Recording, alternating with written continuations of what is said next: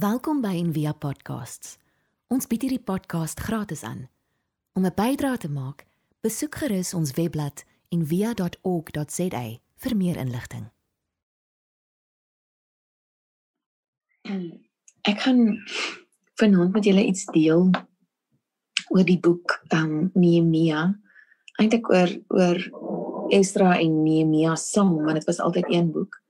En um ek het vanoggend met vir Stellenbosch ook iets daaroor gedeel en dis hoekom ek nou vir Josie gevra het of hy slaap want hy sê vir my hy het vanoggend in die slaap geraak want dit dis ek baie bekommerd. Sy net was omdat hy regtig vaak was nie omdat ek so boring was nie maar ek ek ek hoop iets daarvan ten spyte van die feit dat dit um die Ou Testament is um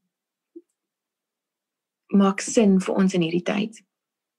Die um die die die titel van die um van die boodskap het ek genoem Grendellam aan Feinkam want dit het gegaan oor mense wat ook vir 'n tyd lank regtig vasgegrendel was in ballingskap was. Um en as ek sê 'n tyd lank bedoel ek nie 70 dae nie, dis 70 jaar. Um twee generasies. En hoe alle hulle mislukkings interpreteer het binne 'n meesterplan. Ehm um, Nehemia is nie 'n boek waar hy baie aangehaal of gepreek word nie. Al, al wanneer ek dit nog gehoor het was wanneer redelik ehm um, evangelistiese bewegings uh iets wou ehm um, geld wou insamel vir 'n vir 'n kerkprojek of a, of 'n nuwe bediening. Ehm um, wanneer dit gegaan het oor like visionering, daai daai tipe ding. Ehm um, en dis nie heeltemal die punt van hierdie boek nie. Dis dis dis trouens die teenoorgestelde.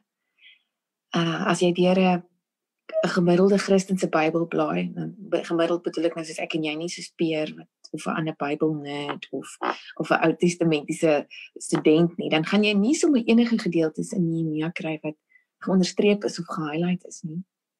Um behalwe miskien as jy by die 8ste hoofstuk kom, dan is daar dalk so 'n versie the joy of the lord is my strength. En daai een het jy al gehoor dis die die versies waarvan boekmerkies gemaak is.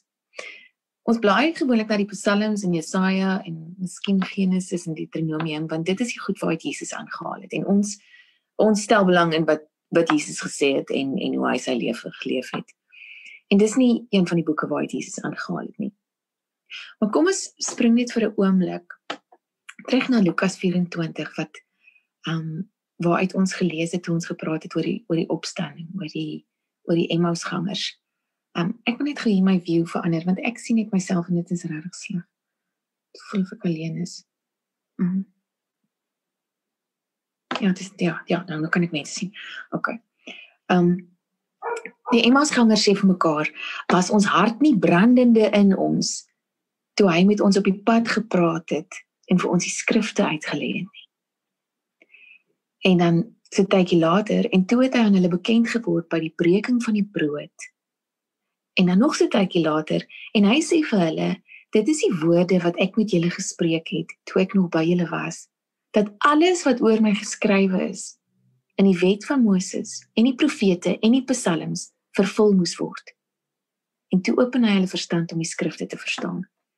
Nou dit is belangrik om te onthou dat Jesus nie gepraat het oor die Bybel as die skrifte soos ons dit vandag ken nie. Dit was die die Ou Testament. Dis wat dis wat hy gehad het. En as ons begin by Jesus en die waarde van die skrif um vir hom moet ons as uitgangspunt neem dat elke deel van die Ou Testament wys na 'n deel van sy lewe. Um nie elke deel is 'n voorspelling van die Messias nie, maar elkeen vorm deel van die groter storie. Dis soos um Chronicles of Narnia ehm um, van C.S. Lewis. Aslan is die hoofkarakter, maar Aslan verskyn nie op elke bladsy nie. Maar elke deel van die storie pas in om iets te sê oor hom. Elke boek dra iets anders by om om iets anders te beklemtoon. En as jy nie dit op 'n manier in gedagte gaan hou met die lees van Esra en Nehemia nie, ehm um, dan gaan hulle met jou mors. Uh hulle gaan dalk in elk geval met jou mors wat miskien die punt is want soms lê die krag van die van die woord juist daarin dat ons moet omkrap voordat ons troos.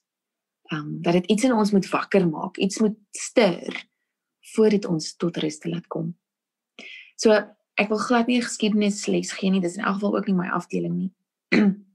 die tempel in Jerusalem is vernietig. Um toe die Galdeërs Jerusalem binnegeval het. En 70 jaar later toe die Perse in beheer gekom het, um laat hulle die Judeërs terug Jerusalem toe. Hulle laat hulle toe om terug te gaan. Um in die begin van Esra word daar vertel dat kom toe 'n paar leiers aan en hulle herbou die tempel en toe Esra in Jerusalem kom, toe help hy die mense deur met hulle gemeenskap en hulle identiteit. Um want die mense was terug in hulle tuisland, maar hulle was nie werklik tuis nie. Want hulle het nie geweet hulle was nie tuis in hulle self nie. Hulle het nie meer geweet hoe om hoe om God se mense te wees nie, hoe om hoe om mense te wees nie. Um Esra was 'n kenner van die wet van God. En Esra en Nehemia snaaks genoeg het groot vertrouensposisies in die koninkryk beklee, soos met die skinker en die bakker in um in Josef se tyd en soos Daniël ook ook was. En die koning is spesifiek vir Esra Jerusalem toe gestuur om die, om vir die, vir die mense te gaan rigting gee. Want mense vergeet vinnig. Walter Bruggeman is 'n Ou Testamentikus en hy sê hy sê altyd prosperity causes amnesia. Voorspoed veroorsaak vergeetachtigheid. Um en ek ek weet baie van ons ervaar dit ook nogal in in hierdie in hierdie tyd waarin ons is wat mense voorspoed of die idee van voorspoed dalk net so bietjie bedreig word. En en dit dit dit dwing ons om om weer te onthou. Um al die goedjies wat ons help vergeet word word so stukkie stukkie weggevat en en dan is dit nou net ons wat oor is.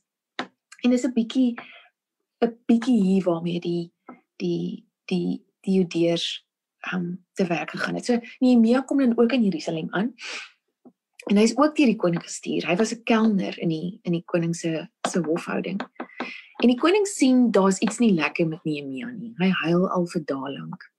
En hy stort sy hart by die koning uit en sê vir hom hoe sleg dit gaan met sy mense in Jerusalem en dat die mure nog nie weer opgerig is nie, dat dit nog net so lê.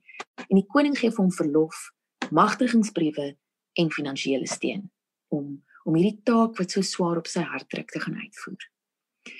Um, en dan gaan hy, langs die rekord, daar's eers onmin onder die leiers en die mense oor die muurbouery, die die edeles, die wat vir hulle so 'n bietjie in Namakwaland sê ons altyd, hy sit vir hom so 'n bietjie ver neer.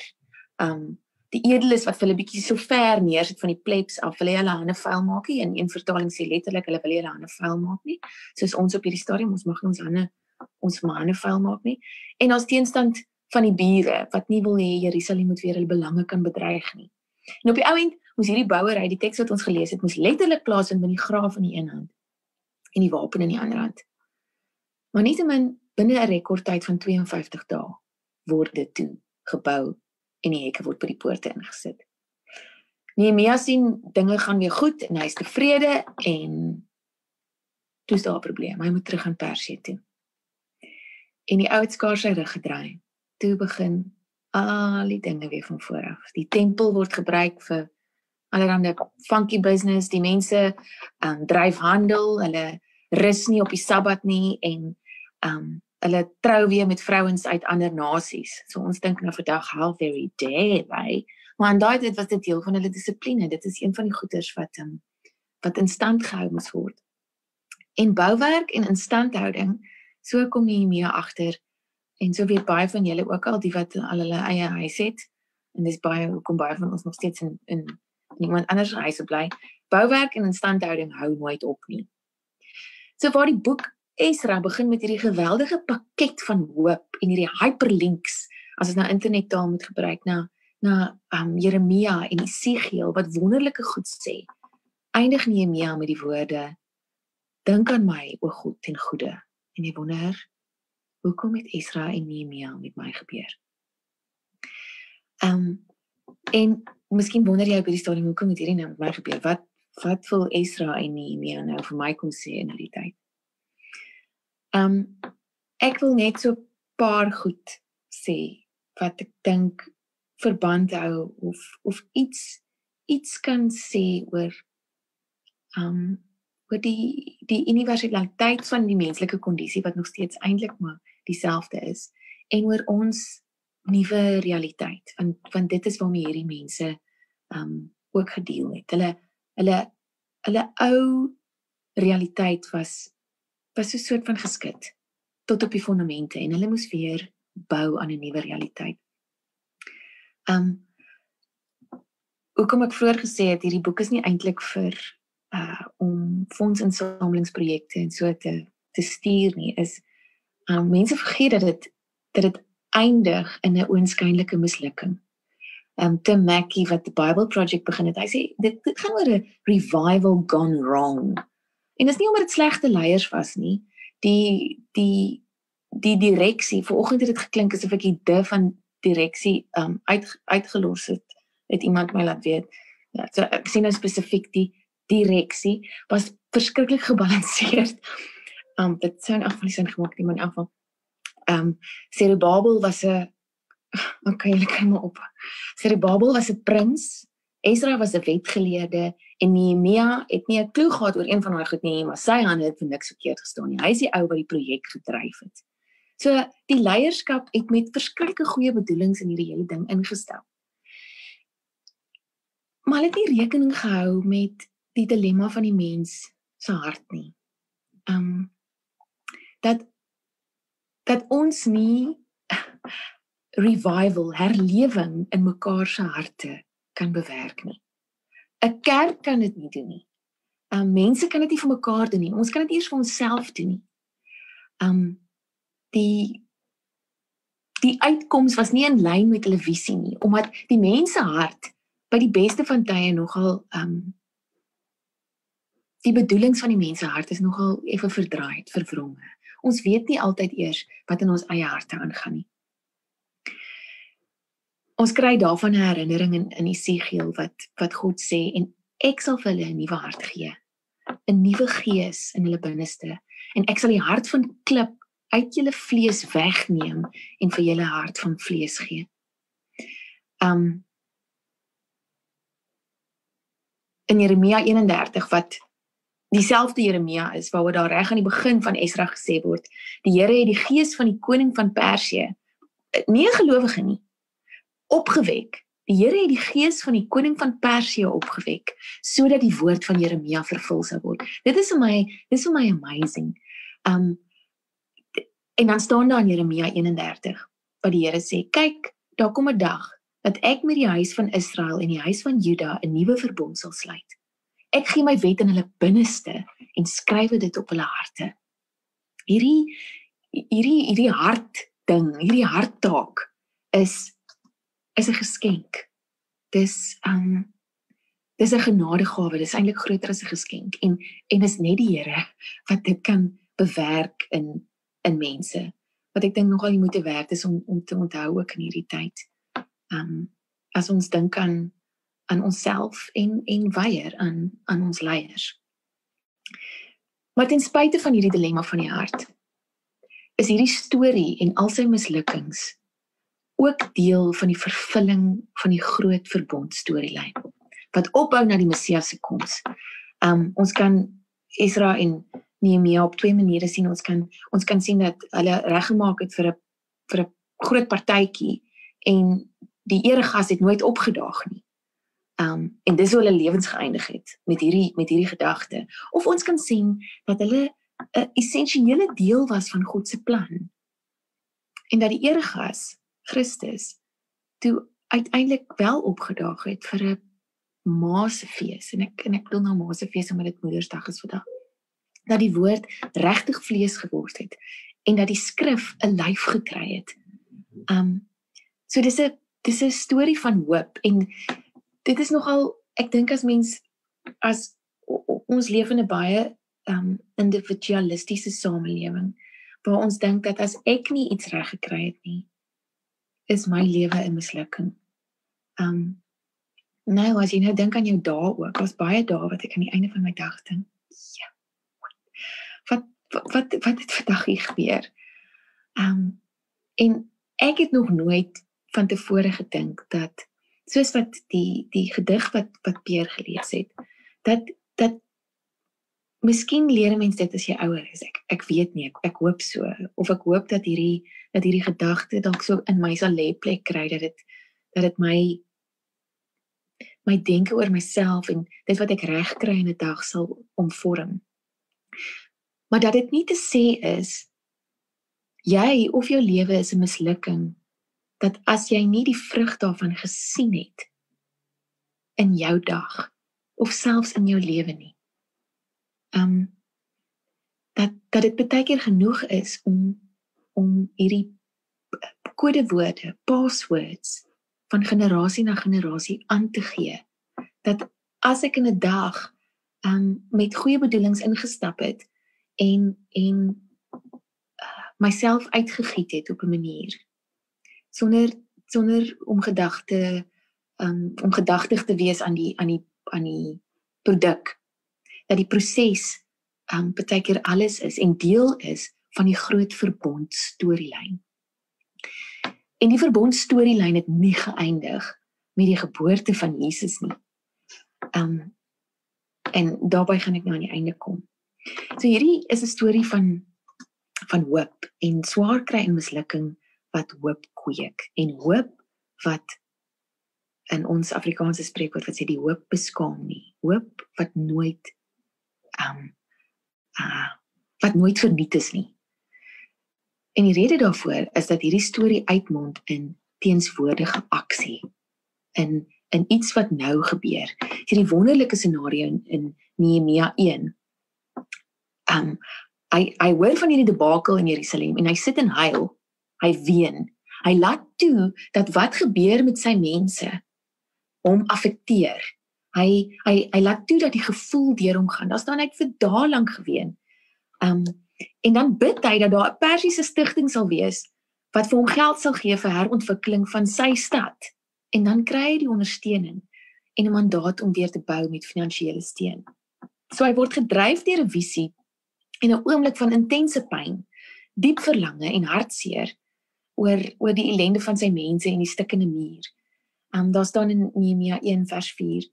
En toe ek hierdie woorde hoor, het ek gesit en ween en ek het daar lank getreur. Maar dan begin die werk. Um de, ek het so vinnig daarna verwys in Nehemia 3 vers 5 staan hierdie woorde in 'n party vertaling sommer tussen hakkies, so asof dit terloops is, maar dit het nogal vir my uitgespring. Maar die vername manne het hulle nek nie gebuig onder die diens van die Here nie. Hulle wou nie hulle hande vuil maak nie. Hulle wou dit nie op hulle skouers hê nie. En ek wil ek wil waag om te sê dis omdat hulle nie toegelaat het soos Nehemia dat dat die pyn van van die wêreld vir 'n oomblik deur hulle deur hulle gaan nie. Um baie ek dink baie keer ek het nie nog die kapasiteit vir dit wat daar buite gebeur vir die groter prentjie nie. Ek het net kapasiteit vir wat hier in my huis nou aangaan, vir my eie kind wat huil. Maar as ons nie gaan toelaat dat dat dat dat hierdie goed ons wel affekteer nie. Um gaan die werk nie begin nie. Dis dis dis wat Nehemia se verhaal begin en hierdie hierdie oënskynlike paradoks om jouself vir 'n oomblik oor te gee aan aan empatie, aan aan meegevoel. Um en en om iets te doen daaraan. Um om om te weet ek kan niks doen aan iemand se hart nie en om dan wel iets te doen daaraan is die is die paradoks van die hele storie. Die woorde waarmee ons in stilte gesit het vroeër wat sê ons God sal vir ons stry en ons het die werk gedoen. Ons God sal vir ons stry. Ek weet dit. En ons het die werk gedoen. So om om af te sluit. En hierdie is vir my 'n 'n gedagte wat bietjie bo my vuur maak plek is. Israel se geloof, hierdie leiers se geloof bied 'n alternatiewe narratief. Um 'n nuwe storie vir die stad. Ek eh, is baie keer dink ek geloof staan direk in lyn met intelligensie. Want dis die dis die dis die dis die kultuur van die tyd. Dis die kultuur van die tyd waarin ons leef. Hoe hoe sal 'n slim mens nou glo in hierdie?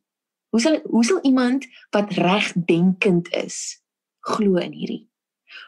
Maar dit is vir my so so so beautiful geloof laat ons beter dinge verbeel. En hierdie verbeelde realiteit wat oorgaan in aksie kan die plek waarin ons bly se storie verander. Ehm um, dis ek dink dit was 'n um, wat sy vrou wat wat toe sy 16 was Joan of Arc sy het gesê hoe anders moet God met my praat as in my verbeelding maar hierdie verbeelding hierdie hierdie verbeelde nuwe realiteit wat wat ons almal in staat is om te kan hê deur geloof en aksie kan ons stad se storie verander. Ek dit vra um dit dit vra baie goed, maar ek dink dit vra nogal in hierdie in hierdie storie van Nehemia kan ons sien dit vra twee goed. Um wat ook lyk asof dit teenoorgestel is is maar maar wat in in ons um kan samehang vind en en so ons realiteit verander. Dit vra aanpassing um of skikking waarmee ons nie altyd baie goed is nie, maar wat eintlik die mense groot uh krag is uh, om to adapt. Studies wys dit deeltyd. Dis dis dis ons dis ons krag. Dit vra aanpassing aan die een kant en dan vra dit verset of weerstand aan die ander kant. En dit dit dit lyk asof hierdie twee teen mekaar skree. Maar kyk na Nehemia. Hy pas aan by die Persiese ryk. Hy en die koning kom goed oor die weg, maar dan gebruik hy ook die heerser um van Jerusalem om dit te herbou om om Jerusalem te herbou en so weerstaan hy deur die grootste waardes van die empire, van die kultuur van die tyd wat gaan oor eie gewin en hebsug. Hierdie taktik is uiters gepas vir die kultuur waarin ons bly wat wat wat alles gaan oor materialisme en militarisme. Um en die simbool van Babylon is eintlik nog net so lewendig soos destyds. So dit dit dit vra dat ons soos die soos Christus se gebed in Johannes 17 dat ons daai waarde ego om in hierdie wêreld, maar nie van hierdie wêreld te wees nie. Ons erken dat ons in 'n kultuur leef wat nie Christus se waardes weerspieël nie. En en meer belangrik nog, ek erken my aandeel daarin. In hierdie materialisme en in hierdie militarisme. Ons gaan vlug nie en ons gaan stig ons eie Christelike lyntjie iewers waar ons volgens sektariese waardes heeltyd leef nie. Um Maar terselfdertyd verset ons ons daarteen om te leef in die soeke na mag en besittings en en net blote plesier. Ons ons dring die wêreld binne met hierdie verbeelde nuwe realiteit. So as 'n as mens aan die einde van Nehemia kom, dan is hierdie scenario nogals onvoltooid. Maar as jy aan die einde van Openbaring 21 aan die einde van die Nuwe Testament kom, ehm um, sien jy die getroues, die mense wag nog steeds. Hulle hoop nog steeds. Uh so dit help dalk om om jouself nie totaal en al oor te gee aan lankverwagte hoop sonder om betrokke te wees ehm um, by daadwerklike aksie nou nie. Uh dis dis ons roeping en ons doel as volgers van Christus in Hebreërs 11 word dit so mooi vervat en nou daar word dit word dit, dit, dit is eintlik 'n viering van Esra en Nehemia en al die voorgangers in geloof voor ons as ons sê en alhoewel hulle almal deur die geloof getuienis ontvang het, het hulle die belofte nie verkry nie. Omdat God iets beter oor ons beskik het, sodat hulle nie sonder ons volmaak sou word nie. Ons voorouers het nie hierdie belofte ontvang nie. Miskien gaan gaan ek en jy ook nie voel ons het die belofte ontvang aan die einde van ons lewe nie. Maar sonder ons is hierdie geloof nie volmaak nie. Aksie nou vervul geloof in die verlede. En dis 'n dis 'n ongelooflike oproep vir um vir konkrete betrokkenheid in die hoop van ons voorvaders, van Esra en Nehemia. En ek dink dis hoekom dit belangrik is dat ons ook baie keer kyk na na ons ons voorvaders en die minor prophets. Um soos soos ek dalk soos ek en jy dalk. So ek wil jou uitnooi en en vra hoe kan jy in hierdie tyd deel vorm van hierdie groter verbond storielyn wat God met sy mense het? Wat God ook met ons mee? Um watter watter droom wat jy in jou ronddra is groot genoeg om in te sluit meer as jouself en jou mensies. Is groot genoeg om in te sluit en klein genoeg, konkreet genoeg om in te stel. Um wat wat wat move jou? Wat wat beweeg jou? Wat wat wat maak dit jy wil sit en huil? Um wat gee jou hoop? Waar kan jy jou nek buig en en jou hande vuil maak? Net net by wyse van spreuke nou. Um dis baie keer nie so ver as wat ons dink nie. Ons hoef nie te wag vir 'n stem uit die hemel nie. Kyk net na Nehemia, hy's 'n voorbeeld daarvan waar jou grootste passie en passie is vreugde en pyn. Um waar jou grootste passie en die wêreld se grootste honger ontmoet. Dit dis waar jy moet wees. Dis jou roeping. So het Frederik Beckner geskryf. Dis waar die woord um nog steeds weer en weer vlees word in ons. Kom ons kom ons bid daarvoor.